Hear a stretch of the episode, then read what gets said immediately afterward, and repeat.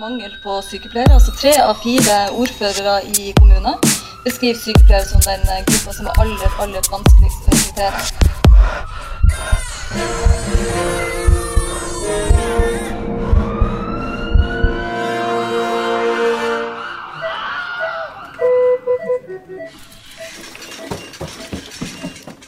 Velkommen til en ny episode av Hjelp, jeg er sykepleier. I dag har jeg med meg en mann i studio som jeg syns er veldig morsom, og han er også veldig intelligent. Det ses i humoren hans. Velkommen hit, Vemund Varg Hoem, bedre kjent som Helsebrorsan! Tusen takk. Ikke fullt så intelligent, men uh... Jo, du er det, du bare vet ikke selv. ja, ok. Ja, jeg er med på den da. Ja. Så fortell litt om deg selv, hvorfor du valgte å bli sykepleier, og hvordan reisen din har vært fram til nå. Ok. Um, jeg er kjent som Helsebrorsan på Instagram og TikTok. Og jeg er en sykepleier som har jobbet som sykepleier nå i snart fem år, tror jeg. Men fire år er vel egentlig den lengden jeg har vært sykepleier nå, tror jeg. Jeg har jobbet på kommunal akuttavdeling siden jeg ble utdannet, men har erfaring fra hjemmesykepleien da, i deltidsarbeid som student. Og en del fra Forsvaret, men ikke som sykepleier da, men som sanitet. Det var på en måte introduksjonen til helsevesenet, da, om du vil si det. Da fikk du en liten knagg å henge ting på. det var liksom starten. Uh, hvorfor jeg ble sykepleier, det er litt sånn kjedelig svar. Det er egentlig bare tilfeldigheter. Um, jeg søkte på det fra etter saniteten, fordi det var noe som var liksom kjent, da. Det er klassisk gutter. Det er så mange Ja. andre som har sagt nei, jeg var i militæret. Det og er så synes jeg det helsegreiene er var litt gøy. veldig klisjé, og det er veldig mange gutter i uh, sykepleierstudiet første året spesielt, som er litt sånn Ja, jeg var i saniteten, Ja, jeg har hørt den det er mye action og blod, og vi liksom skulle stoppe blødninger og satte sprøyten i brystet med trykknærmotoraks med veneflon. Og det. Så jeg kan vise deg hvordan man gjør litt sånne ting da på nye, ferske studenter. Som egentlig kanskje bare syns det er kleint ubehagelig. men, så nå, men i hvert fall da, så det er på en måte introduksjonen min til helsevesenet. Uh, av hvorfor jeg valgte det som et studievalg. Men det var ikke førstevalget mitt når jeg søkte studie i det hele tatt, egentlig. Som, så det er på en måte Hva annet søkte du? Jeg tror jeg faktisk søkte bioingeniør Ja. over sykepleie. Litt usikker. Jeg vet det var på lista. For du ville stikke noe blodår her. Ja, og jeg hadde lærer der òg, tror jeg. Eh, selv om jeg i et ettårsperspektiv er veldig glad for at jeg ikke kom inn på lærerstudiet. Eh, jeg, Hvorfor det? fordi det jeg har sett av en lærers hverdag, spesielt på fritida, med liksom oppfølgingsmeldinger fra familie og barn, og det med å liksom rette ting og på Jeg, jeg trenger min fritid, på en måte, og det, jeg føler at den har kanskje ikke lærere så mye. Og så jobbet jeg på barneskole da, uh, før jeg begynte å studere. Uh, bare som sånn SFO-assistent og sånn i klasserom og sånn. Og jeg så liksom hvor stressa disse lærerne var. liksom Fly hit og dit mellom klasserom og kontorer. Og, og de var liksom Jeg syns de hadde mye å gjøre, de òg, da. Så ikke at det nødvendigvis er så mye bedre i sykepleien. Nei, her er det melding. men- men, kan du eh, jobbe ekstra? ja, veldig mye sånt, men, men eh, jeg vet ikke, det, det føltes veldig riktig når jeg starta på sykepleien. Eh, og det er vel det som gjorde at jeg kanskje ble i studiet og yrket. For jeg starta på det, var sånn Å ja, jeg kommer på sykepleie, ja. Ok, vi får se åssen det går. Og så begynte jeg på det, og første året så var jeg litt sånn, eller i hvert fall etter vi begynte med anatomi, fysiologi, biokjemi og Holdt jeg på å si biofysiologi, men eh, mikrobiologi. Yes. Så, ja, så, så um, var um, Føltes det veldig riktig. Så derfor begynte jeg bare å fortsette med det, og så har jeg egentlig trivdes med det siden og fått liksom en eh, glede da, for Ja. det yrket. Eller passion. Hadde du noen forventninger om hvordan sykepleierstudiet kom til å vare, eller tok du det bare med åpne armer? Um, jeg, som sagt, var jeg i saniteten. Og da var jeg på en sykestue i deler av det. Først så var det veldig mye sånn action, da, fokusert, som vi gutta liker å snakke om på sykepleierstudiet. Men, eh, men, men eh, det var på en måte kursing i liksom veldig sånn basic førstehjelp. eh, basert krigsretta førstehjelp, vel å merke. Men etter det så ble jeg flytta, for jeg ville ikke være i sanitetstroppen.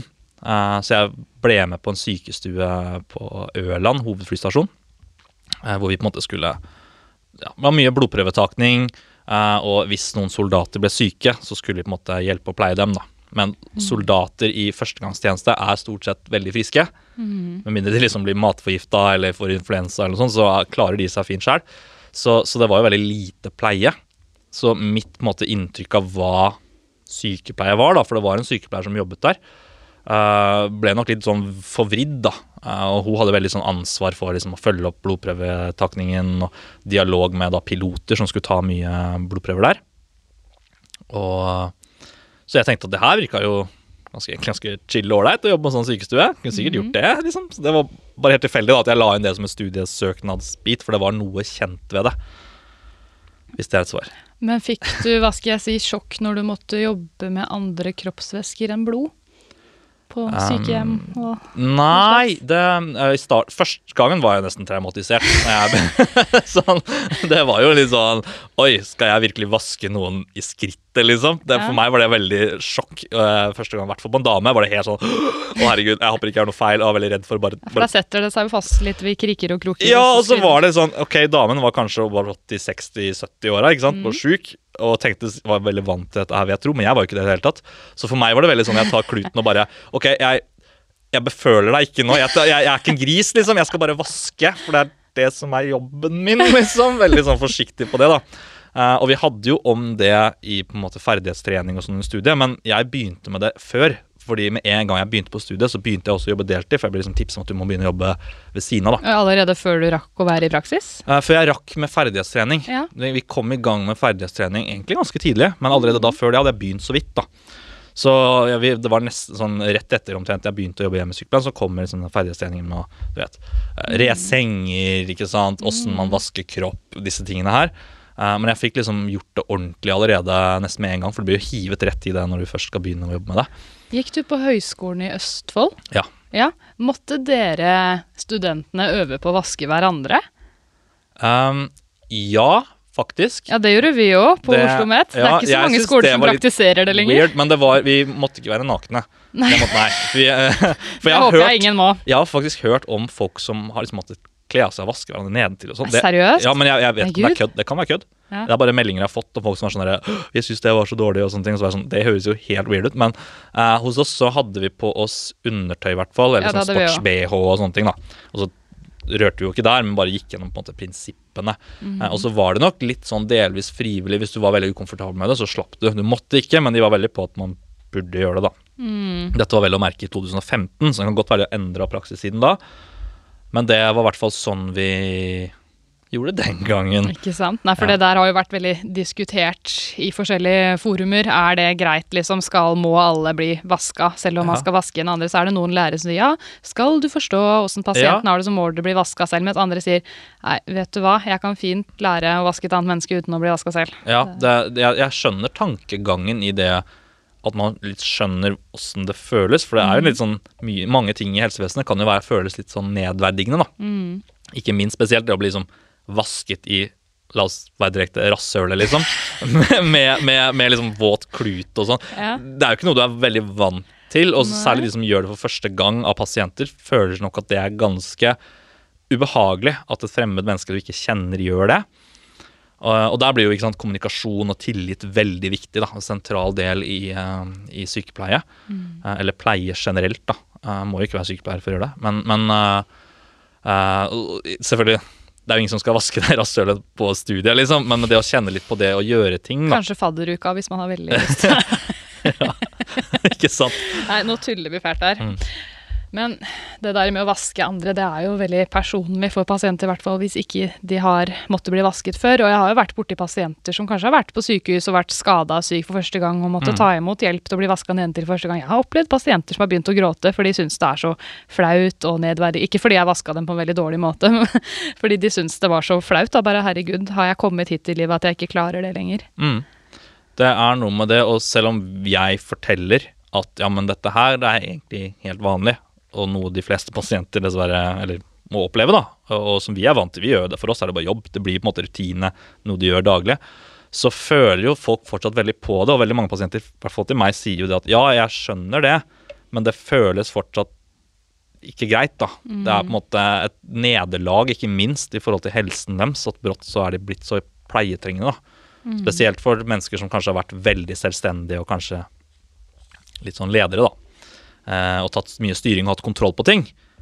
Og så har de brått ikke det lenger, og vi er de som tar kontroll. Ikke sant. Mm. Ok.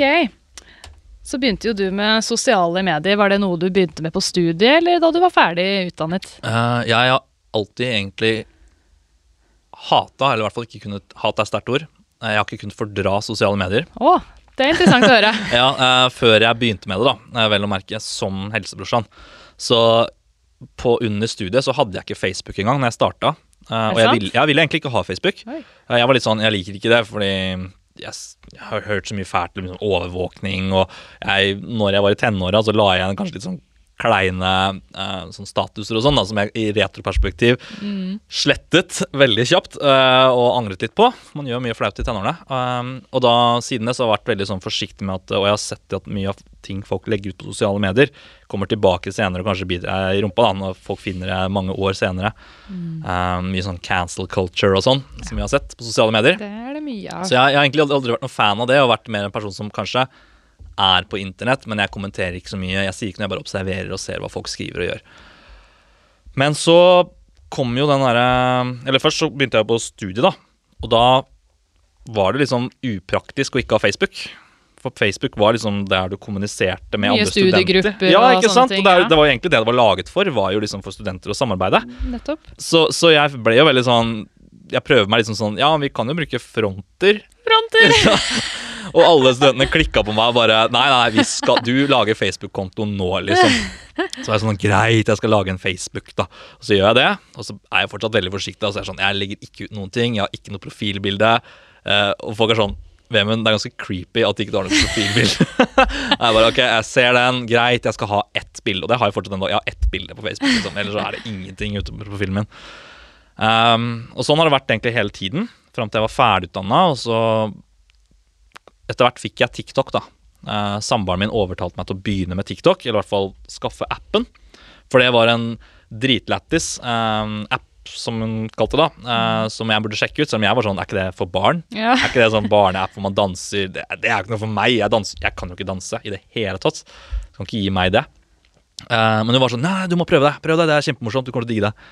Så lasta jeg ned, da. Og så var det jo ikke bare dansing der. Det var jo veldig mye forskjellig. Egentlig bare en sånn spam med liksom video etter video etter video som kunne være alt mulig rart. Som da gradvis tilpasser seg litt hva du liker, ikke sant? for den er jo veldig sånn algoritmebasert. Sånn at den ser jo hva Den merker jo at hvis jeg ser på en video lenger enn en annen, så er det noe som fanger oppmerksomheten min, som gjør at den tenker at det må du ha mer av. Det liker du. Så brått så hadde jeg jo bare masse morsomme memes og tullevideoer. Eh, brått var det politikk der. liksom. Så det var ikke bare sykepleierting i starten? Nei, det var kjempemye forskjellig, og jeg har jo ikke bare sykepleierting der nå. Eh, av en eller annen grunn så tenker jo TikTok at jeg elsker Star Wars, som, som jeg gjør. Det er kult, da. Ja, jeg elsker Star Wars. Den Den gir meg masse sånn treningsvideo og kosthold og sånne tips. Det, Trening, hva da med lasersverd? Nei, nei, bare sånn bodybuilding. Og Ja. sånn, da snakker vi virkelig virkelig bodybuilding, hvor fort, fort for liksom, folk er sånn Ja, anabole steroider, liksom. Og jeg er sånn, ok, det er ikke helt meg, men, men det er på en måte eh, kanskje noe som jeg bare fanger interessen min. da. Eh, I hvert fall så vet TikTok hva jeg liker, og gir meg mer av det. Eh, og brått så kan det være at jeg får liksom, veldig sånn politiske greier også, som jeg egentlig ikke liker, men som kanskje er provoserende, som gjør at jeg ser på det allikevel. Og da merker han at for eksempel, Ja. hvor noen sier noe som er helt outrageous, da. Og som jeg ikke er enig i i det hele tatt. Men så blir jeg litt sånn hissig eller sint, irritert av det. Ja. Og da ser jeg jo på det. Og så kanskje frister det å skrive en eller annen drittkommentar, men så tenker jeg nei, jeg er for god for det. Det gjør gjør vi ikke, liksom. Mm. Men så får jeg mer av det.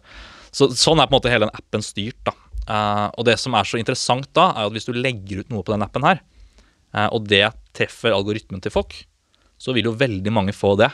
Da vil det vokse og gro, Ja. på en måte? Og det var sånn jeg starta, fordi når jeg skulle lage video da, så eh, trodde jeg at det var som Instagram. At du må ha følgere for å se videoen. Ingen, jeg får ingen får opp min video med mindre jeg legger inn hashtags eller har følgere. På Insta. Ja, Der ville jo ingen sett min video hvis jeg hadde en konto med null følgere og la ut noe, så er det ingen som ser det. Men sånn funker ikke TikTok. Så hvis jeg treffer algoritmen til folk med at jeg legger ut f.eks. ting innen helse, da, så vil jo den identifisere det.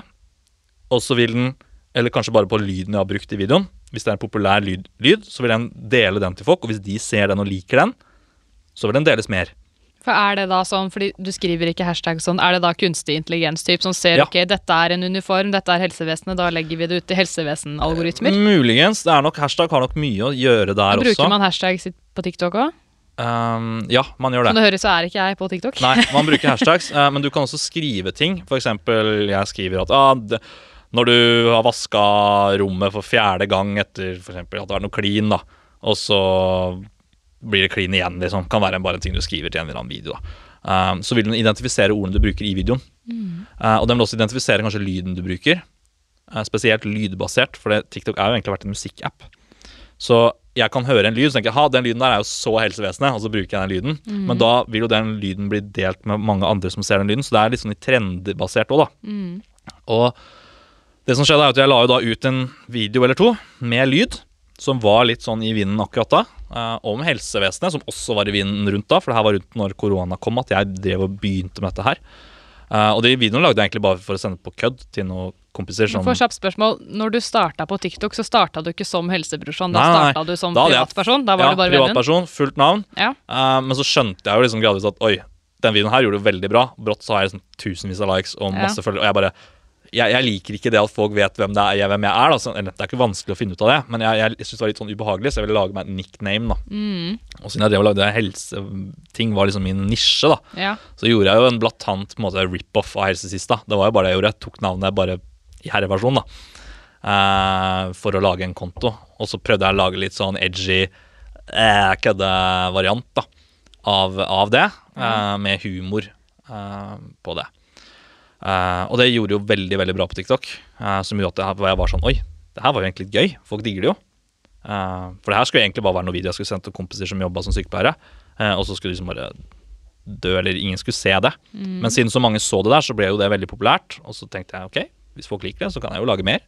Og jeg hadde jo masse ideer, så jeg bare fortsatte å gjøre det. Og det var liksom mye lockdown, vi hadde få pasienter akkurat da, for folk turte jo ikke å oppsøke helsevesenet. Hvorfor begynte du med disse helsevideoene under lockdown? Eh, ja, Ja. eller jeg- egentlig rett før, tror jeg. Men det kom jo veldig på Det var jo rundt sånn mars-april jeg begynte, og så kom jo korona, og det ble lockdown og, i landet og sånn. Så jeg tok jo da og la ut dette her. Det gikk veldig bra. Fortsatte med det. Brått så begynner en lege å foreslå på jobben at ja, men du må lage en Instagram også, for det var ikke alle som hadde TikTok. Tenkte jeg ok, jeg kan sikkert prøve å ekspandere og gjøre det litt større, og så bare ble det stort etter hvert. Eh, så det er på en måte min historie i forhold til For første gangen jeg så noen av dine filmer, det var vel på den Facebook-gruppen som heter Sykepleierforum. Eller du vet du er sykepleier når, prikk, prikk, prikk. Det var Ja. en av de, da var det noen som posta dine videoer. Jeg bare, Ja. ja, hvem er han? Han var morsom. Mm. Og så trodde jeg du bare var på TikTok, men så søkte jeg deg opp på Instagram etter hvert, for jeg tenkte jeg vil se mer av de filmene. Å, han er Ja. jo der òg. Nei, så gøy, tenkte jeg. Så det har gitt meg mye latter og Ja. glede, da. Det tror jeg du har gitt latter og glede til eh, en hel nasjon, egentlig. Og det er jo det jeg prøver på, er jo liksom å gjøre helse til noe litt mer moro og gøy enn bare litt sånn klaging Og dønn seriøse ja, ting. Ja. eh, og liksom varme hender og sånne ting. Altså, Varme hender og hjerte. er Jeg er litt lei av å høre det. mer Ja, veldig lei av å høre det, ja.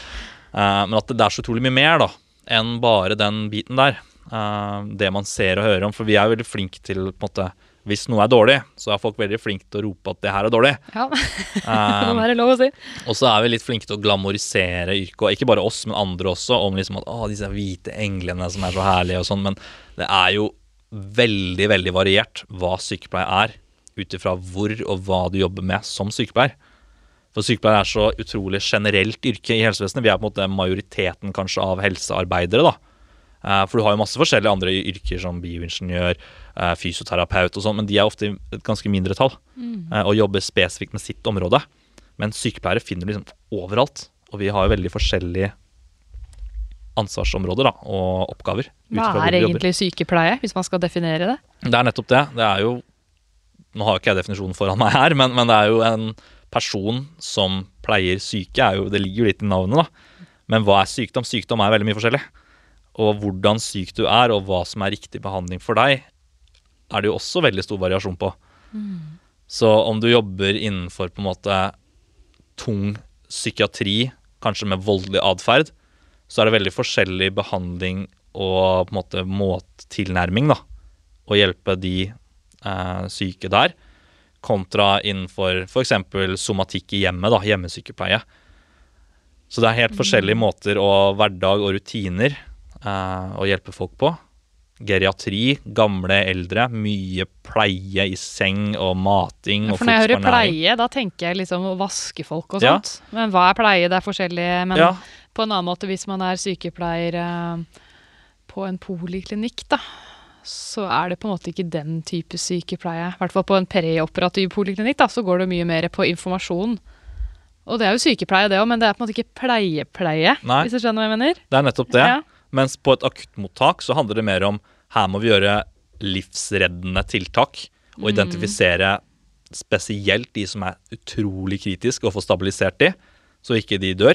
Det er på en måte hovedprioriteten. Resten kan vente, og de Mm. Venter lenge. Ja, ja, ja. Eh, det er på en måte det, da. Så der er, der er ikke like mye av den der omsorgsbiten og liksom ta va- ivareta hvordan folk føler de blir møtt på på en omsorgsfull og god måte, og at man setter av tid til å lytte til dem og sånn. Fordi det viktigste for dem er bare vite at er du i livsfare nå til å dø? Nei? Ok, da kan du vente litt. Det kan være litt tøft, det møtet med sykepleier. For man tenker å, sykepleiere er snille og varme hender og alt det der, men nei, det er mye sånn OK, da setter du deg der og venter, så kommer jeg tilbake etter hvert når jeg får tid. Og så nei, du kan dra hjem. Hæ, skal jeg hjem? Ja. Ja, Det kan gå litt fort i svingene noen ganger. det kan det. Og selvfølgelig det grunnleggende og det vi lærer på studiet, er jo at sykepleie er på en måte Det handler jo mye om etikk, det handler om å møte og gi god kommunikasjon, etablere tillit og trygghet, som er veldig essensielle deler. Eh, Men det er jo mennesker i bunn og grunn som jobber med dette her, og vi også er jo veldig forskjellige. Og hvordan vi håndterer stress og velger å prioritere ting, hvordan vi ser an situasjoner og sånn, gjør jo at det fort blir misnøye, miskommunikasjon eh, og konflikter, da. Ja, apropos tid med pasienter, jobbe med pasienter. Du jobber jo nå på KAD. Ja. Ja, kan du ikke fortelle litt om det? KAD eh, står for Kommunal akutt døgnenhet. Og det er kommunens, eller kommunehelsetjenesten, da, sitt aller høyeste omsorgsnivå før du må til spesialisthelsetjenesten eller staten sin på en måte. Mm, Hakket før sykehus, Ja, på en måte. hakket før sykehus.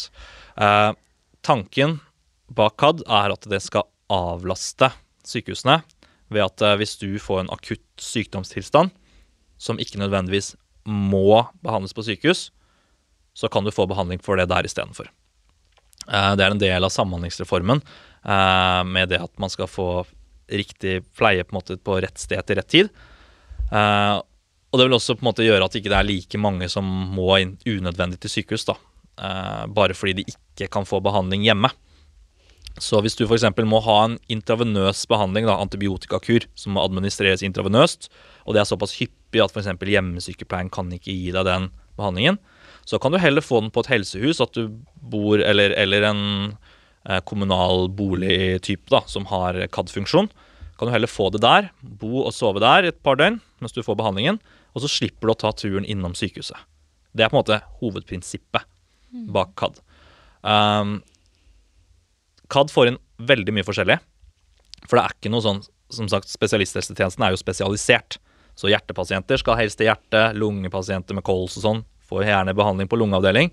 Eh, på CAD så får du alt mulig rart. Eh, du får bare det som man kommer inn for. Så har jo pasienten sjelden bare én diagnose. Ikke sant? Det er jo veldig mye forskjellig her. Eh, men du, du kommer inn med en behandlingsplan for en tilstand som er akutt. Behandler den. Så skal du i prinsippet tilbake der du kom fra, da. Er tanken eh, bak den avdelingen. Men da går de ikke tilbake til sykehuset, da er det hjem de Da er det kommunen fortsatt som har ansvar der, eh, og må tilpasse det. Så hvis det er hjem, men så kanskje trenger du fortsatt mer hjelp, eller når man ser at eh, her er det endrede hjelpebehov da, enn tidligere, at kanskje eh, allmenntilstanden til denne pasienten har blitt egentlig gradvis redusert over tid, så må man kanskje også tenke å samhandle en del da, med å få inn nye tiltak så det skal fungere hjemme. Så det er mye samarbeid på KAD med hjemmesykepleie. Eh, og tilrettelegge der. Ergoterapeuter. eh, hjelpemidler man skal bruke og tilrettelegge der. Eh, fysioterapeuter samarbeider vi mye med i forhold til det å gjenvinne helse og rehabilitering.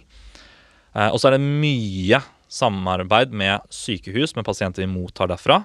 Eh, noen pasienter drar jo først til sykehuset bare for å avklare at de faktisk kan få behandling hos oss, eh, for så å komme til oss. Eh, eller kommer direkte fra sykehuset fordi de er ferdig behandlet i et såkalt korttidsopphold. Da. Så veldig mange CAD-enheter har egne korttids, eh, korttidsplasser. Eh, selv om akkurat nå så tror jeg i hvert fall vår avdeling er i i prosessen om å avvikle det og kun skulle ha akuttpasienter. Men det her er sånne ting som tar tid. så jeg Men det er ikke. døgnbemanning, ikke sant? Det er døgnbemanna, Ja. så det er, det er som en sengepost på sykehus, egentlig. eh, med korridorer hvor det er sykepleiere og helsepersonell hele døgnet. Eh, men en stor forskjell fra sykehus er at det er ikke leger der 24-7. Eh, legene er der i prinsippet på dagtid. Og så har du tilgang på lege fra legevakt um, på kveld og natten. Men da skal det på en måte være såpass prekært at det ikke kan vente til neste morgen. da. Så det skal på en måte være noe alvorlig som man må starte behandlinga nå. Så hvis du sier til eh, sykepleier da, at ja, jeg får ikke sove, jeg vil ha sovetablett, så er det sånn OK, men da, da får du vente med det til i morgen. liksom. Vi ringer ikke legevakta for det. Nei. Det Og legevakten, er den langt unna der du jobber? nei, eh, den er i etasjen under.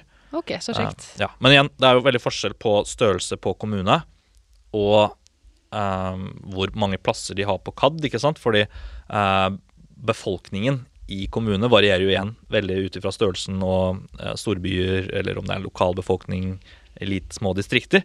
Uh, så noen KAD-enheter er jo på sykehjem eller egne sånne små boliger for det. Eh, mens andre er på helsehus, sånn som jeg er nå, Uh, i litt sånn større med flere korridorer uh, og sengeplasser, da. For nettopp det. Så det, er- det er jo nok litt variasjon på enheten, men prinsippet er det samme. De skal få behandling der uh, istedenfor å måtte dra til sykehuset.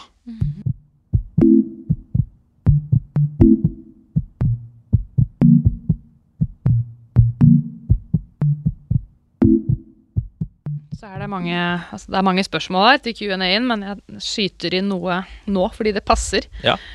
Hvorfor har du valgt å jobbe på CAD, og hva er det beste med å jobbe der? Ja, skal vi se. Um, jeg valgte nok aldri å jobbe på CAD sånn helt uten videre. Um, det var litt tilfeldig at jeg begynte der. Uh, CAD um, var liksom egentlig, egentlig så ville jeg jobbe i Nattpatruljen når jeg var ferdigutdanna. Fordi jeg hadde bare egentlig erfaring sånn jobbmessig fra uh, hjemmesykepleien. Og så hadde jeg vært litt med Nattpatruljen noen sommervakter. Hva er Nattpatruljen? Nattpatruljen er hjemmesykepleien bare på natta. Ok. Eh, egentlig. Ja. Men man er, det jeg likte der, er at man er to stykker istedenfor én alene som kjører rundt. Så man er alltid to stykken, i hvert fall der jeg hadde nattpatrulje. Uh, litt sånn for sikkerhet og sånn, for du kommer inn i ganske slitne hus til tider. Eh, I mørket midt på natta, og da er det greit å være to, føler nok mange, da. Så det er i hvert fall sånn de gjør det der jeg har jobbet. Og, Uh, men jeg vet ikke om det er sånn over hele landet. Så det var det du ville? Nattpatruljen? Det var det jeg hadde lyst til. Eh, men de hadde ikke noen ledige stillinger der akkurat da, så jeg prøvde liksom å komme i kontakt med uh, liksom virksomhetslederen da, for Nattpatruljen. Eh, og så fikk jeg en e-post, men det var feil virksomhetsleder. Oh. Det var lederen for KAD. Og så sa jeg det. Å, de sa beklager, du har sendt feil, liksom. Det er ikke meg du skal ha tak i. Men det er ledig stilling hos oss. mm, Så du må gjerne way. søke hos oss. Så tenkte jeg herregud, akuttavdeling, det er jo helt crazy avansert for meg som er nyutdanna. Men så tenkte jeg ok, jeg får bare prøve, da. De sa jeg skulle søke. Og så fikk jeg den jobben. Uh, og så har jeg jo blitt der, da, av en grunn. Jeg har jo valgt å fortsette å jobbe der nå et par år, og det er flere grunner til det. I hovedsak så er det at det er nærme. Og det Nærme der du bor? Nærme der jeg bor, Ja. og jeg liker å sove lenge. Da slipper jeg å stå opp fryktelig tidlig for å dra noe annet sted. Uh, og så er det Jeg begynner ikke så tidlig som jeg ville gjort på sykehuset, f.eks. For, eksempel, for veldig Når mange spør. du da? Halv åtte begynner jeg. Er ikke det vanlig? Eh, I hvert fall på sykehuset i nærheten der jeg bor, så begynner du sju som regel. Og det syns jeg er tidlig, så jeg, hvis jeg kan unngå det, så er det en veldig fordel, og det er nærmere, så da slipper jeg stå opp så ille tidlig, da. Eh, og så er det et godt miljø, det er bra bemannet. Som sagt så er det jo høyeste omsorgsnivå, så vi har på en måte høyere bemanning per pasient da, enn andre steder i kommunen om det skulle vært sykehjem eller korttidssenter og Her sånn. har kommunen gjort en innsats, liksom. De gjør en innsats der, og det er fordi de pasientene som kommer til akutt eh, kommunal, eller kommunal akutt døgnenhet, mm. eh, de er jo ofte ganske syke. Mm. og krever jo at de er med nye tilstander, da, som gjør at de gjerne er i en akutt fase, eh, har nye infeksjoner eh, som de skal få behandling for, f.eks. Eh, og da, da må de jo på en måte ha en god observasjon og omsorg av dem, så ikke det blir uforsvarlig. Derfor så er de høyere bemannet, fordi mange av disse pasientene er litt sånn uavklarte i behandlingen og har på en måte ikke stabile, da, ferdig behandla. Men fortell, hvis du skal eh, fortelle hvordan det er på en typisk eh, dagvakt, da. Hva gjør du liksom fra du kommer på jobb til du går? I korte trekk. Ja, uh, når jeg kommer på jobb, så går jeg først og tar en kaffe, holdt jeg på å si. Nei, jeg går Vi får rapport. Det er første. Vi møtes opp, får rapport, eh, og så deler vi inn ut ifra hvilken korridor de jobber på, da, hvem som er på hvilken korridor. Um, så vi er på en måte grupper, da. Og da blir jo gjerne sant, en sykepleier og en helsefagarbeider, minimum. Eh, kanskje har vi en student eller eh, assistent som jobber i tillegg, ekstravakt og sånn tilkalling, som er og bistår oss. Eller så er vi flere sykepleiere. Det varierer veldig fra dag til dag. Eh, og så prøver vi selvfølgelig å prioritere hvem som er hvor, ut ifra pleietyngde. da. For noen korridorer kan jo være kjempetunge hvis det er um, pasienter med delir og demens som krever mye tett oppfølging. Og så er det kanskje noen som er veldig sengeliggende, som ikke klarer å røre en muskel. ikke sant? De må vaske og snu og løfte dem, og de må på do hyppig, sånne ting. Uh, som tar mye ressurser, da. Så prøver vi selvfølgelig å bemanne opp sterkt der. Mens andre pasienter som kommer inn, kanskje ikke er så veldig plaget, egentlig. Skal bare ha en blodtransfusjon et par ganger. Ja, Dere gjør det òg, ja? Ja, ja. Vi gjør veldig mye forskjellig. For da trodde jeg man måtte være på sykehus? Første gangen man gjør det, så må du være på sykehus, tror jeg. Men hvis du har fått en blodtransfusjon før, så kan du få det på helsehus. Mm. Um, så det er my veldig mye varierte prosedyrer vi gjør. Men poenget da, var at uh, hvis det ikke er så veldig pleietrengende og ganske selvstelt, og sånn, så trenger du ikke bemanne opp kraftig for det. Så lenge de på en måte er stabile nok og får tilsyn og hjelpen de trenger. da. Så vi prøver liksom å lage en flytende, uh, flytende bemanning etter pleietyngde, da. Mm. Og så starter vi kanskje vakta må vi med å ta Det er veldig sånn standard sengepost. Du tar kontroll av vitale parametere. Uh, News 2 bruker vi. Mm. Uh, og så tar vi kanskje blodprøver hvis det er rekvirert noe på forhånd. Uh, særlig nye pasienter tar vi alltid inn blodprøver, sånn innkomstblodprøver, bare for å avklare at det ikke er noe i gjerdet. da. For det ender ofte at det, er, det kommer inn nye pasienter, og så finner vi ut at oi, de hadde jo kjempelave natriumverdier. Mm. Det må vi gjøre noe med. ikke sant? så det er som det å fange opp ukjente ting. da. Eh, så får de medisiner. Eh, vi starter veldig fort med å begynne med stell, pleie, få dem opp, få kledd på pasientene. For det er ikke noe ålreit å ligge og lukte holde på å hele dagen. Nei, det er som greit at de er stelt til legen kommer, f.eks., eller pårørende på besøk. Så det er som et mål vi har, å få opp alle sammen. Og selvfølgelig servere mat. da. Mm. Uh, at alle får spist godt og sånn. Og så blir det jo ellers liksom prosedyrer, da. Sårstell. Legge ny veneflon, henge opp antibiotika til faste tidspunkter det skal gis.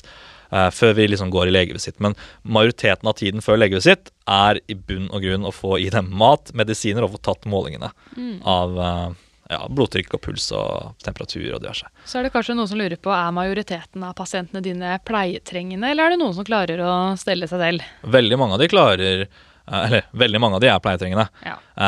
du kan jo tenke at i en norsk befolkning så er jo majoriteten av de som er syke, de er jo gamle. Ja. For det er jo når du blir gammel du får mye sykdom. Kroppen begynner jo å dra på sitt, da. Uh, så selvfølgelig majoriteten av pasientene vi får, er jo gamle, skrøpelige mennesker uh, som trenger behandling. Uh, og klassisk er jo ikke sant, du er gammel, du drikker for lite. Dehydrering. Ja. Da blir det intravenøs væske, og så prøve å få dem til å drikke og spise nok. ikke sant? Det er starten av behandlingen. da. men vi får jo inn alt fra aldersgruppen 18 til oppover uendelig, egentlig. Uh, så vi har jo ungdom som klarer seg helt fint selv, egentlig. Kanskje iblant er det noe Ungdom? Ja, eller, eller 18-åringer, da. Ja, bare, oi, Åssen har de det blant alle de gamle? Ja. Uh, de føler seg ofte litt sånn, hvis de er alene, i hvert fall. Malplassert, kanskje? Ja, kanskje litt malplassert. Ja. Um, og holder seg mye på rommet, naturligvis. Hva er det de er der for, da? Ja. Um, det vanligste, i hvert fall siste tiden, har vært unge pasienter med sånn uh, si, graviditetskvalme, mm. hyperemesis. Uh, og så må de ha intravenøs behandling for det. Ja, Det holder ikke med tabletter, f.eks. Uh, intravenøs og kvalmestillende eller intravenøs ja, mat? Kvalmestillende. Ja. Så vi henger opp væske med det, som går på pumpe da, uh, jevnt og trutt, sånn at de ikke er kvalme. da, er på en måte målet. Det er ganske mange av de, uh, opplever jeg. ryggsmerter, altså sånn klassisk greie. Får en ryggprolaps, og så har de vært og blitt utreda på sykehuset kanskje flere ganger, og det er liksom ikke noe nytt. Så kommer de til oss og får liksom smertelindring til de kommer seg, da. Det kan være en case der, da. Hva med rus og psykiatri? Det, kommer noe av det til dere? Ja, har det blitt så bredt? på en måte? Uh, men vi skal egentlig bare ha liksom mild rus og psykiatri, ikke tunge. Og der er, mm. det hender jo at vi får kanskje hakket mer tyngre enn det som var forspeila, da. Mm. Uh, og at vi må flytte på dem. Uh, fordi det er litt sånn feil å være på en somatisk post når du kanskje har større behov for tett oppfølging. Da. Og du mm. kan ikke alltid levere den hvis det er mye pleietrengende pasienter. Uh, så det I utgangspunktet så har vi det.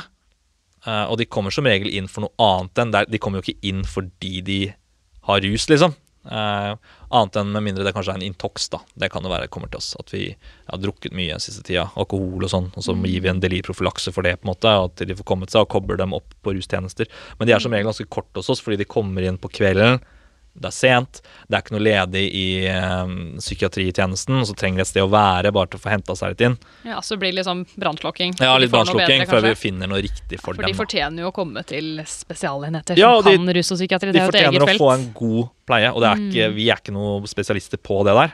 Så det blir veldig feil at vi, de skal være hos oss på en måte på oppbevaring. da.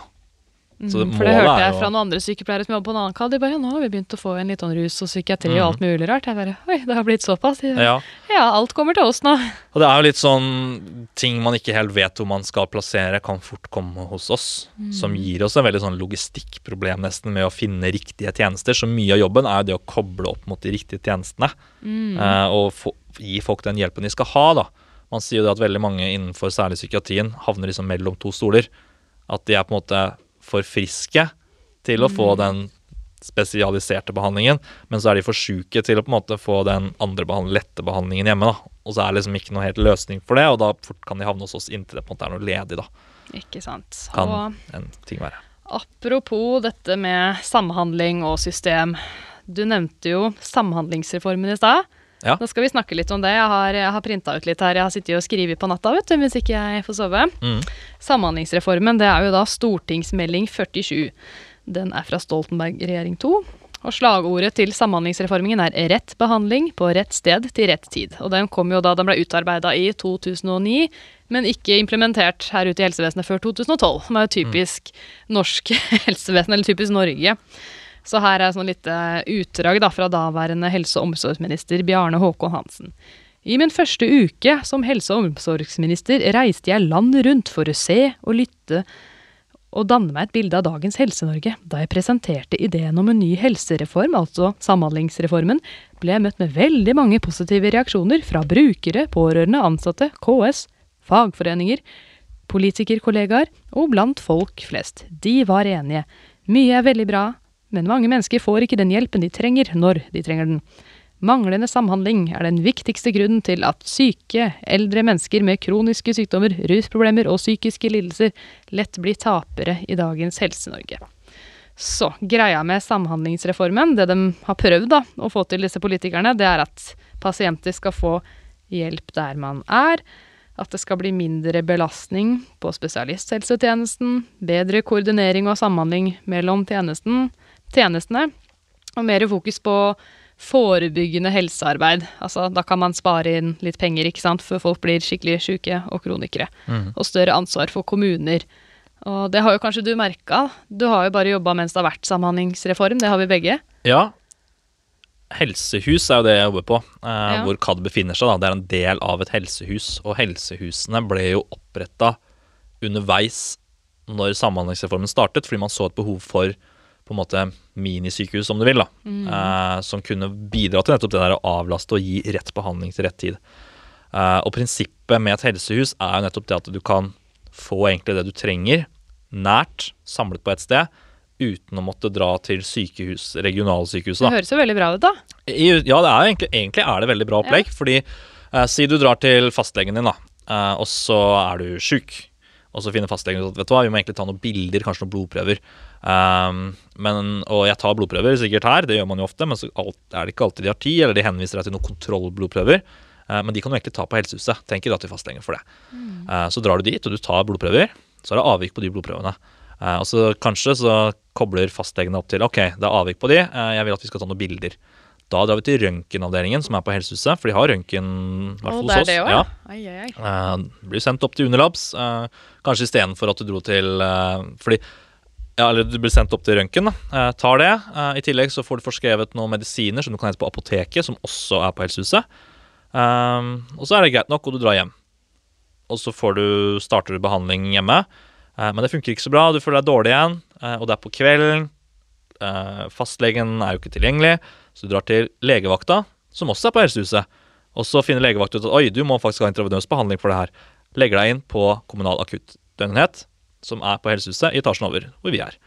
Så alt er på en måte samla veldig sånn på ett sted der, og du har tannlege, du har eh, rehabiliteringsavdeling, veldig mye sånne ting lokalt for befolkningen, sånn at de ikke de må reise langt mellom masse forskjellige steder. Eh, for før kunne fort være at rehabiliteringen var på den siden av byen, og så måtte du dra bort og ta røntgen på den andre siden av byen, og så blir det veldig sånn tungvint å komme seg rundt og reise istedenfor å ha ting samlet. Um, eller så har du alt samlet på et sykehus, selvfølgelig. Men det man vil unngå, og prøver å unngå, er at alle skal måtte dra til sykehuset. Mm. Det er så er det jo litt det som har skjedd, at noen ganger så må man jo på sykehus. Det må man. Og så før i tiden da, så var man jo på sykehus mye lenger. Liggedøgna var mye lenger. Da var man der på en måte til man blei frisk, om det så tok 14 dager. Men sånn er det ikke nå lenger. Nå er man vel på sykehus hva er det, maks tre døgn eller noe. Og så blir man ofte da kasta videre i systemet til mellomstasjon, som kanskje er en KAD. Men det på en måte Samhandlingsreformen her viser litt, da. Fordi nå har jeg lest eh, fra tidsskriftet fra norske legeforening at eh, ja, liggedøgna på sykehus har blitt kortere, men pasientene sendes hjem eller til sykehjem eller korttidsplass kanskje litt for tidlig, da, før man er ordentlig Altså mens man er ennå for sjuk. Jeg vet ikke, hva, hva tenker du om det? Føler du at pasientene som kommer til dere, burde vært på sykehus lenger? Det som er så interessant med CAD, da, er at det, det er veldig i smørøyet av Samhandlingsreformen. I hvert fall er det jeg føler. da.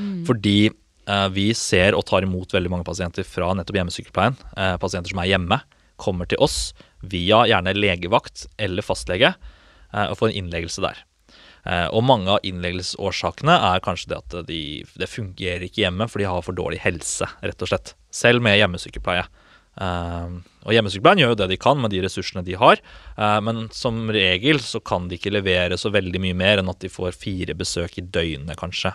Og hjemmesykepleien de kan vel kanskje ikke drive og gi intravenøs behandling og sånn hjemme, det er vel ikke vanlig? De kan mange steder, men ikke overalt. Mm. Og det i hvert fall jeg observerer, er at det kanskje svikter litt med at de klarer å levere det, da, alltid. I hvert fall til faste tidspunkter. Mm. Fordi det er så innmari mange som bor hjemme og trenger hjelp, og du må jo bruke så og så lang tid hos enkelte pasienter. Så mange hjemmesykepleiere kan jo ikke garantere at de kan komme til akkurat det tidspunktet. For de skal jo til andre pasienter først, og de vet jo ikke hvor lang tid de nødvendigvis bruker der. Hvis det er noe avvik, hvis noen, de kommer til en pasient før en annen, og den er dårlig, så må de jo bruke den tiden de trenger hos den pasienten før de kan dra videre. Og det kan skape utfordringer eh, i hjemmesykepleien for enkelte pasienter, fordi de har behov for at eh, vedkommende er der innen klokken da, eller skal være der nøyaktig klokken da, for å få sin hverdag og liv til å fungere, da. Og det er jo ikke alltid at det fungerer, eh, og da ender jo opp med å dra til legevakt hvis de er dårlige, eller at det ikke funker, at de søker hjelp hos fastlegen sin, fordi de føler jo at eh, helsen deres blir jo ikke ivaretatt, eller opplever det, da. Og da eh, blir de kanskje lagt inn hos oss, og så prøver jo vi å tilrettelegge så godt vi kan. Kanskje vi ser at det er behov for at Kanskje det hadde funket bedre hos hjemmesykepleien, da. Hvis de hadde noen hjelpemidler, eller at vi satte inn noen nye tiltak eh, på enkelte deler av helseperspektivet deres, da. eller hverdagene sin. Og så sender vi dem kanskje hjem igjen, og de får forsøke det. Vi vil alltid at de skal forsøke å bo hjemme, for det er jo det Samhandlingsreformen vil. Den vil at folk flest skal bo hjemme, og få behandling hjemme. Men så blir folk syke. Man blir jo syk med alderen eh, og med tid. Og da kanskje blir sendt til sykehus. Brått må vi samarbeide med sykehuset, fordi vi vet vi får en pasient som har vært innlagt på sykehuset eh, med kompleks eh, komorbiditet. ikke sant? Masse sykdommer som er avanserte og alvorlige. Eh, de kommer til oss eh, for et korttidsopphold, for de er ferdig behandla på sykehuset. Og da har de på en måte ikke noe mer på sykehuset å gjøre, for da er det kommunen sin tur til å overta ansvaret på en måte og følge dem opp. da. Og så er målet vårt igjen at vi, de skal gi dem en behandling hjemme, at de skal kunne klare seg og få bo hjemme. Mm. Så vi er jo ikke noe permanent stasjon, men så blir det at vi får den oppgaven med å tilrettelegge det. Og da igjen må vi samhandle, og det ligger i ordet her, samhandle med eh, flere instanser. Tildelingskontoret, hvis vi ser at det ikke fungerer hjemme, at det rett og slett her er det ikke mulig. Denne pasienten er altfor pleietrengende. Her er kanskje omsorgsbolig bedre for vedkommende, eller et sykehjem. Eh, Da må vi melde fra det til dem, og så begrunne hvorfor. ikke sant? Vi kartlegger. Og sykehjemsplass, det kan det ta tid å få. Det kan ta tid å få. Eh, og så blir det jo, ikke sant, ok, kan de være hjemme i påvente av sykehjemsplass? Kanskje går det an å gjøre noen løsninger der. Eh, og så må vi begynne å sende, eller få tak i kanskje noe velferdsteknologi på plass som kan hjelpe Kan litt. også ikke få tid å få Ja. på plass. uh, så det er mye sånn samhandling med andre yrkesgrupper og roller og legevakt, fastleger, sykehus, som gjør at vi ser veldig helhetene, da, spesielt fordi vi ofte så kommer de tilbake til oss. Så vi sender dem hjem. Eh, Hjemme så blir de sendt til sykehus, de kommer tilbake fra sykehuset, kommer til oss. Vi jobber og prøver å fikse litt det vi kan for å få De dem i blir bedre helse. flytta rundt omkring. De blir veldig mye flytta eh, rundt, men vi ser veldig ofte hvor de er, for de kommer tilbake til oss, og vi sender dem videre. Kanskje blir de dårlige hos oss, så vi sender dem til sykehuset, og så kommer de tilbake til oss igjen etter hvert hos sykehuset. Så du ser veldig liksom kanskje helsevesenet i sin helhet, da, mange av disse forløpene, hvor de befinner seg. Hvor lenge har de vært hjemme før de kom tilbake til oss? Åssen har det fungert? Mye sånn kartlegging, da.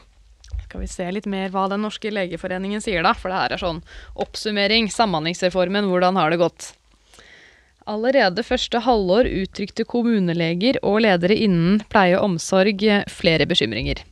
Det kom en sterk økning i utskrivningsklare pasienter, og de ble meldt utskrivningsklare tidligere enn før. Det snakka vi litt om. Ofte ble det ikke tatt tilstrekkelig hensyn til hvor dårlige pasientene var, eller at de hadde andre kroniske sykdommer samtidig. Og så sier de videre Det ble vist liten fleksibilitet i forhold til kommunenes behov for tid og det å planlegge. Reformen innførte dagbøter for pasienter som måtte vente på kommunalt tilbud. Altså det er ikke pasientene som måtte betale det, men, men kommunen.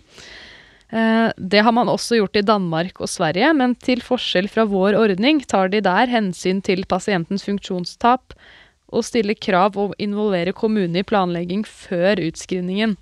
Har du møtt noe på det at dere må betale bøter fordi pasienter er skrevet ut til dere, eller har dere alltid plass? Uh, vi opplever veldig press på nettopp det. Ja. uh, fordi, uh, som sagt, hvis en pasient er utskrivningsklar hos sykehuset eh, og ikke får noe ledig plass, i den forstand at de ikke kan sendes hjem, eh, men kommunen må overta på en måte pleien eller omsorg for dem, da, og kommunen ikke kan ta imot det akkurat da, så koster det, jeg tror, 5000 eller 6000 kroner. Jeg lurer på om det er 6000 ja, det er ikke gratis å ligge på sykehus. Sånn per egentlig. døgn per pasient. Wow. Så hvis du har mange pasienter liggende da, så er, snakker vi liksom 10 000, nesten 100 000 kroners beløp ikke sant? per døgn. altså, de ligger. Så det er vanvittig press eh, på enkelte kommuner som kanskje ikke har den kapasiteten til å få den kapasiteten. Men noe av sånn utfordringen er jo at eh, de har jo ofte ikke helt råd til dette her, fordi de betaler jo bøter dag etter dag etter dag, ikke sant? Eh, så veldig mye penger går jo inn i slusa til å betale sykehusene for disse Syns du det er en døgnene. riktig løsning å drive og bøtelegge kommunene fordi de ikke kan ha plass sånn? Vel, tanken er jo at det skal legge press på kommunene til ja, å. Mm. opprette disse plassene og gi det tilbudet, fordi hvis ikke de gjør det, så vil det bli dyrt. Men på bekostning av hvem? For da tenker jeg jo da må dere forte dere å skrive ut noen andre pasienter, da, så dere får plass til nye. Det er jo nettopp det som fort skjer, Ja. at det blir lagt veldig press på, uh, på, på uh, plassene, da, Mm. disse korttidsplassene, om at uh, pasientene da er friske nok til å komme hjem, eller de kan komme hjem hvis man bare tilrettelegger litt, så ha, frigjør det en plass. Og hvis de kan frigjøre en plass, så sparer vi penger. Og penger er veldig viktig, eller essensielt i denne samhandlingsreformen for å drive dette systemet, slik at det ikke skal bli for dyrt. Um, ulempen med det er jo da at fort så blir du jo sendt hjem for tidlig. Og da er det jo ikke så vel er det, jo ikke, en måte, det er ganske innlysende at det da kanskje ikke funker det så bra hjemme. Eh, og da blir du innlagt på sykehuset på nytt Ikke med en akutt tilstand som kanskje egentlig var Det er det som skjer. Og så må jeg jo si, jeg har jo jobbet på den andre siden, spesialisthelsetjenesten eh, for voksne, og der er det mye sånn Nei, nå, nå er det fullt der, nå må vi skrive ut noe til kommunen. Så å, de svarer ikke på PLO-meldingene. Så treigende meg. Vet du hva, bare meld den utskrivningsklar, så skal jeg love deg at de svarer. For da må de begynne å bøte. Og det er litt fælt å holde på sånn, men det funker på en måte. Ja, Det er bare, Oi, det. da fikk man plutselig kontakt Ja. med de der eh, tjenestekontorene, og de er jo ikke tilgjengelige på kveldene eller helligdager. Eller, og, det er mye, og det er mye av helligdager, det er mye av helger, og det er jo ofte da at Mm. man kanskje har fått pasienten friske, da, for da er det litt roligere. Og, Ja.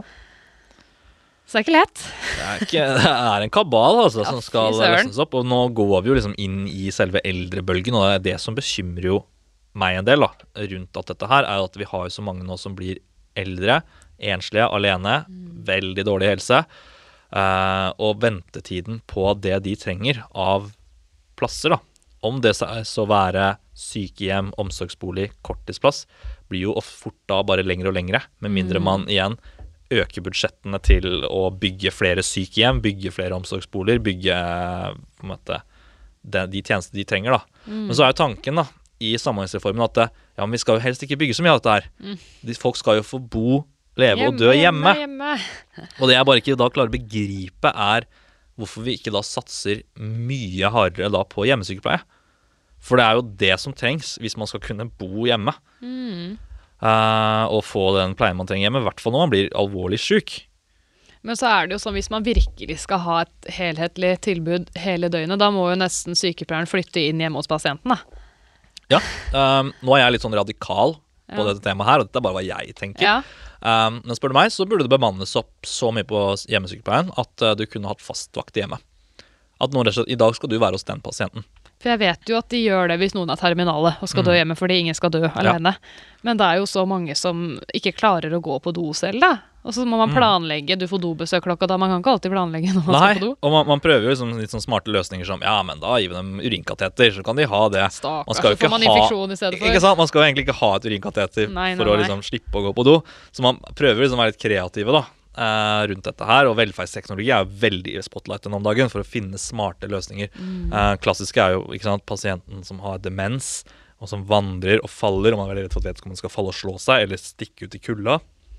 Brått nå så er det kommet sånne smartklokker med GPS og varsling. sånn hvis de går Er det lov å bruke nå? Eh, det er lov å bruke, eh, men ofte så det vil jo innebære at du gir samtykke til det. Og hvis du ikke er samtykkekompetent, så tror jeg at fastlege må skrive noen erklæring på det, at de kan ha det da.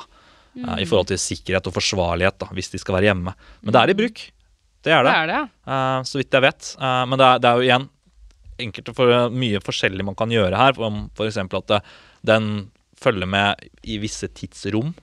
Så at det kun er på natten, f.eks., hvis man er redd for at de vandrer om natten. Eh, og hvem er det som skal ha tilgang til å se dette her? Så er jo, dette er noe som på en måte hele tiden er under utvikling.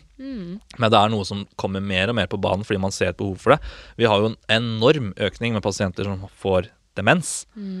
Og hvis flere og flere skal liksom bo hjemme da, og ikke være på sykehjem Jeg tror majoriteten, nesten alle, eller i hvert fall en stor andel av de pasientene som er på sykehjem, er jo, er jo de med demens. Nettopp fordi de, de klarer seg jo ikke hjemme. Så det er på en måte de du må prioritere å putte der, fordi de er, de, du, de er så uforutsigbare da, når på en måte atferden når et visst punkt i demensløpet.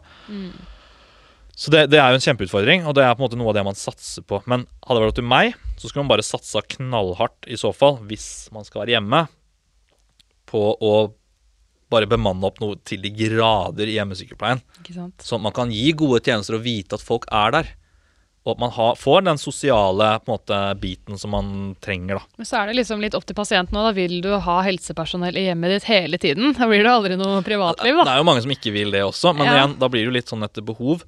Um, er du på sykehus, du, du, du får ikke så mye privatliv der heller. Det kommer jo folk inn hele tiden. Ja, men det er sykehus, da. Du bor jo ikke der. Hjemme så er det jo Nettopp. Det er jo hjemmet. Sykehjem. Det, er, det er, jo, er jo hjem. Ja, det er jo det. Det men det kommer jo sykepleiere og pleiepersonell der mm, mye hvis du trenger det. Men det er jo hvis du trenger det. Så det, det er jo på en måte et samarbeid mellom pasienten og pleieren, da, liker jeg å tenke. Uh, men det, det jeg savner i hjemmet, er det at eh, du får jo ikke det sosiale i samme grad. I hvert fall hvis du er enslig. Da sitter du jo bare hjemme alene og venter på hjelp fra hjemmesykepleien til mat, medisiner og stell. Men du klarer jo ikke å gå ut, for du er ikke helsemessig i stand til det. Så det er sånn innenfor disse fire veggene, kanskje en TV. Det er jo ikke rart du blir deprimert av å bare Nei. sitte inne da. Uh. Mens på sykehjem så er det i hvert fall noe kanskje sånn mulighet til Ja, ikke sant? Du kan trilles ut på fellesstuen, spise middag sammen. Hvis du vil. Må ikke. For du kan ha privatliv og spise inn på rommet ditt også. Uh, og det er noe av det som er så fint med sykehjemmene, da. Eh, for de som har et hjerte for det. Mm. At man kan liksom få med den delen der da, av eldreomsorgen til de gamle. Jeg så det var et sykehjem, så hadde de laget sånn egen bar.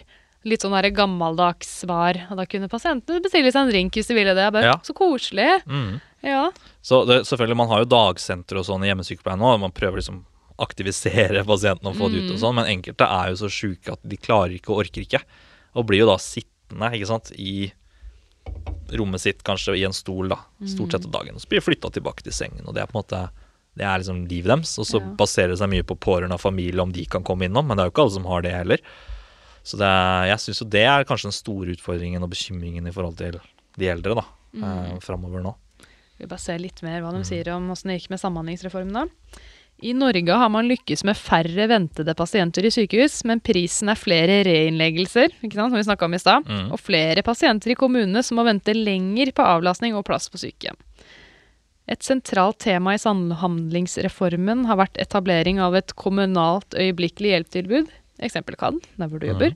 Slike tilbud har blitt etablert nærmere sykehus, sykehjem og der det allerede er legevakter og annet tilbud. Slik har finansieringsordningen bidratt til en sentralisering da, av øyeblikkelig hjelp-tilbudet der mange skrøpelige eldre kronisk syke, i stedet for å gi hjelp nærmere hjemmet. Apropos hjemmesykepleien. Så Mm. du Så det er på en måte Du kjenner deg igjen i det her, eller? Veldig. Ja. Og så står det det blir et mer oppstykket forløp for pasienten, ofte at meg hjemme blir dårlige. Kanskje legevakt, sykehus, så til korttidsavdeling, og så hjem igjen. Dette gjelder mest skrøpelige eldre som tåler transport og bytting av miljø dårligst. Mm. Og det er jo Det som er kjipt med det her, da, at de blir jo, som de kaller seg selv, mange pasienter, jeg har blitt et kasteball i systemet. Har du Mm. hørt den før? Veldig. Ja. Og jeg skjønner jo at det er slitsomt. Huff. Skal vi se, var det noe positivt med Samhandlingsreformen, da? det som det står, som noen kommuner har oppgitt, er at det har blitt bedre faglig styrke på sykehjem. Det har blitt rusta opp, det har blitt lagd kadder, det har på en måte blitt ja, mer faglig styrke. Kommunene har jo merket en enorm eh, endring i at pasientene de mottar er langt sjukere. Eh, du har jo pasienter med hjertesvikt, kolsgrad 3-4, ikke sant. Mm. eh, demens. eh, alt dette her i liksom samme ball, da. Eh, I langt større grad som vanligvis før kanskje hadde ligget på sykehus eller eh, sykehjem, da. Eh, men nå brått skal klare seg hjemme, og du må klare å ivareta dem hjemme. Så de kjenner nok veldig på det at kompleksiteten til pasientene sine sykdomsforløp da, er langt høyere enn det det var før.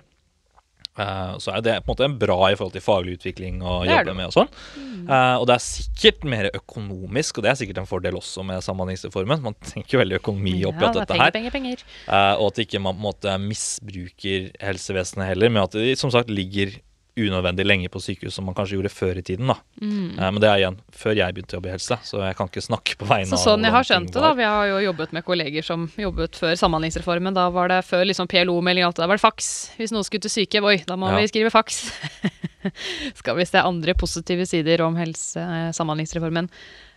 Bedre samarbeid mellom helsepersonell, og det har det jo kanskje blitt, da. Hvis man skal drive og flytte pasienten rundt til forskjellige steder, så må vi jo snakke sammen for å gi god rapport, for å vite hva skal denne pasienten følges opp med videre. Ja, men det et stor utfordring her er jo at vi har jo ikke programmer som snakker så bra sammen. Nei, det er forskjellige dokumentasjonsprogrammer Yes, i kommunen. altså- Ofte er det DIPS, ikke sant? I Yes. sykehus. Jeg vet ikke, hva bruker dere? Eh, vi bruker Gerica. Gerica ja. Elsker Gerica. Gjør ikke det, vet du. Eh, det, det er veldig mye forskjellige programmer, da, som både fastleger, privatleger, eh, hjemmesykepleie, legevakt, KAD, korttidssenter, sykehjem, eh, sykehus bruker. da. Og da blir det fort at man må fakse likevel, da. Fakse Ja, epigriser. det er forskjellige distrikter, ikke sant? og alt dette skal kommuniseres sammen. Jeg kan ikke Hvor mange ganger får jeg ikke inn pasienter fra hjemmet, og vi aner ikke hvilke medisiner de bruker. Uh, og vi vet ikke hvilken liste, om det er fra forrige epikrise, uh, fastlege eller hjemmesykepleien, som er oppdatert. Og da lagde du en veldig morsom film. Når du måtte ha epikrisen fra legen. Bare 'You have something I want'. Yes. Ja, det, og det er det med å skaffe liksom den nyeste. Og For det, det er jo Jeg vil jo argumentere for et grovt avvik å gi feil medisiner fordi det er en utdatert medisinliste. Ja. Så kanskje har det vært gjort store endringer siden sist, men så vet ikke vi det engang som får inn en ny pasient, fordi den listen vi har fått, er utdatert.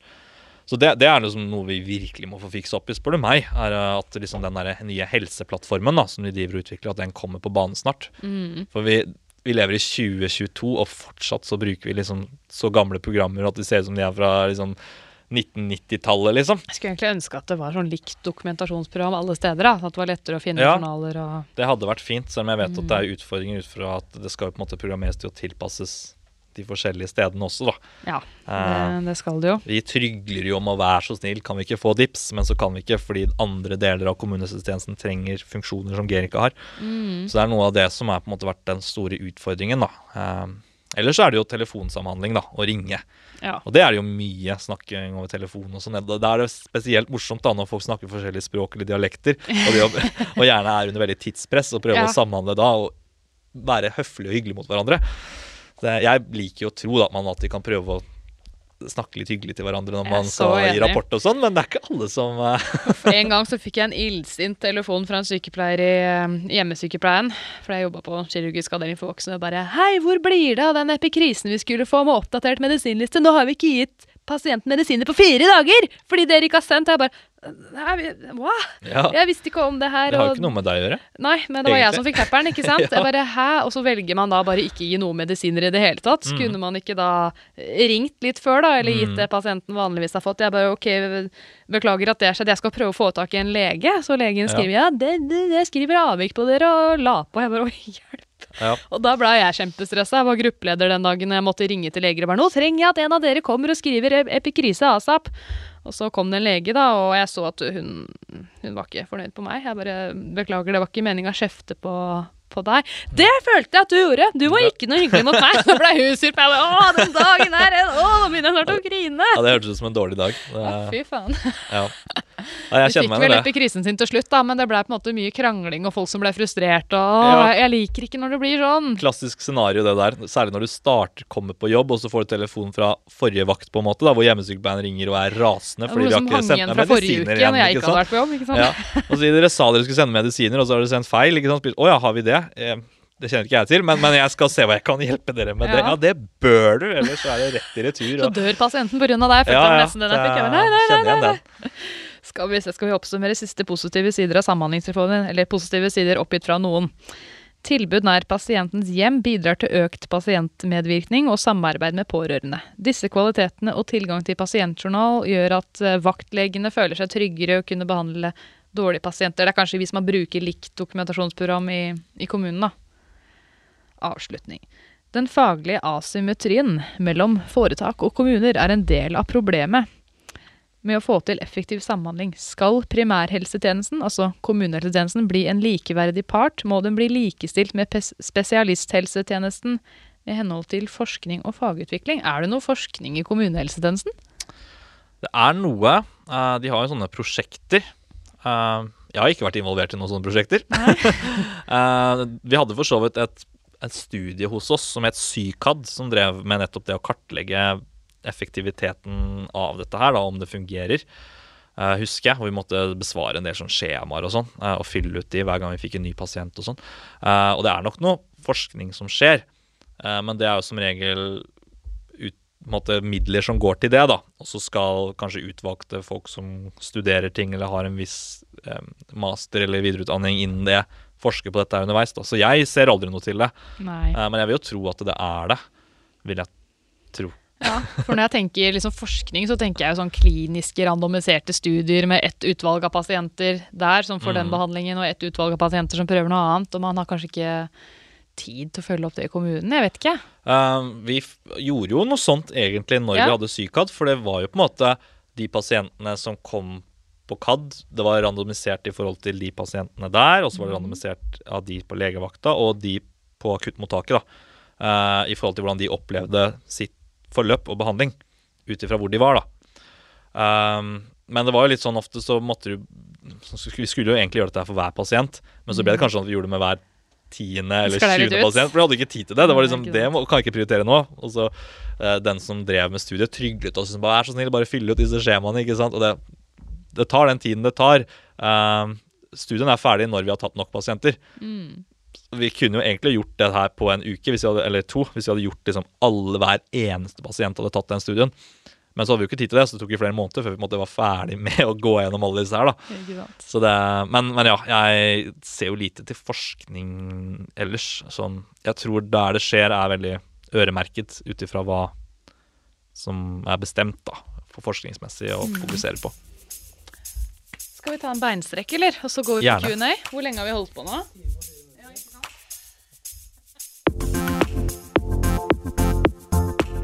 Da håper jeg du liker det du har hørt så langt, for dette var bare del én av episoden med Helsebrorsan. Del to kommer neste uke, og da er det en rein Q&A-episode. Tudelidu!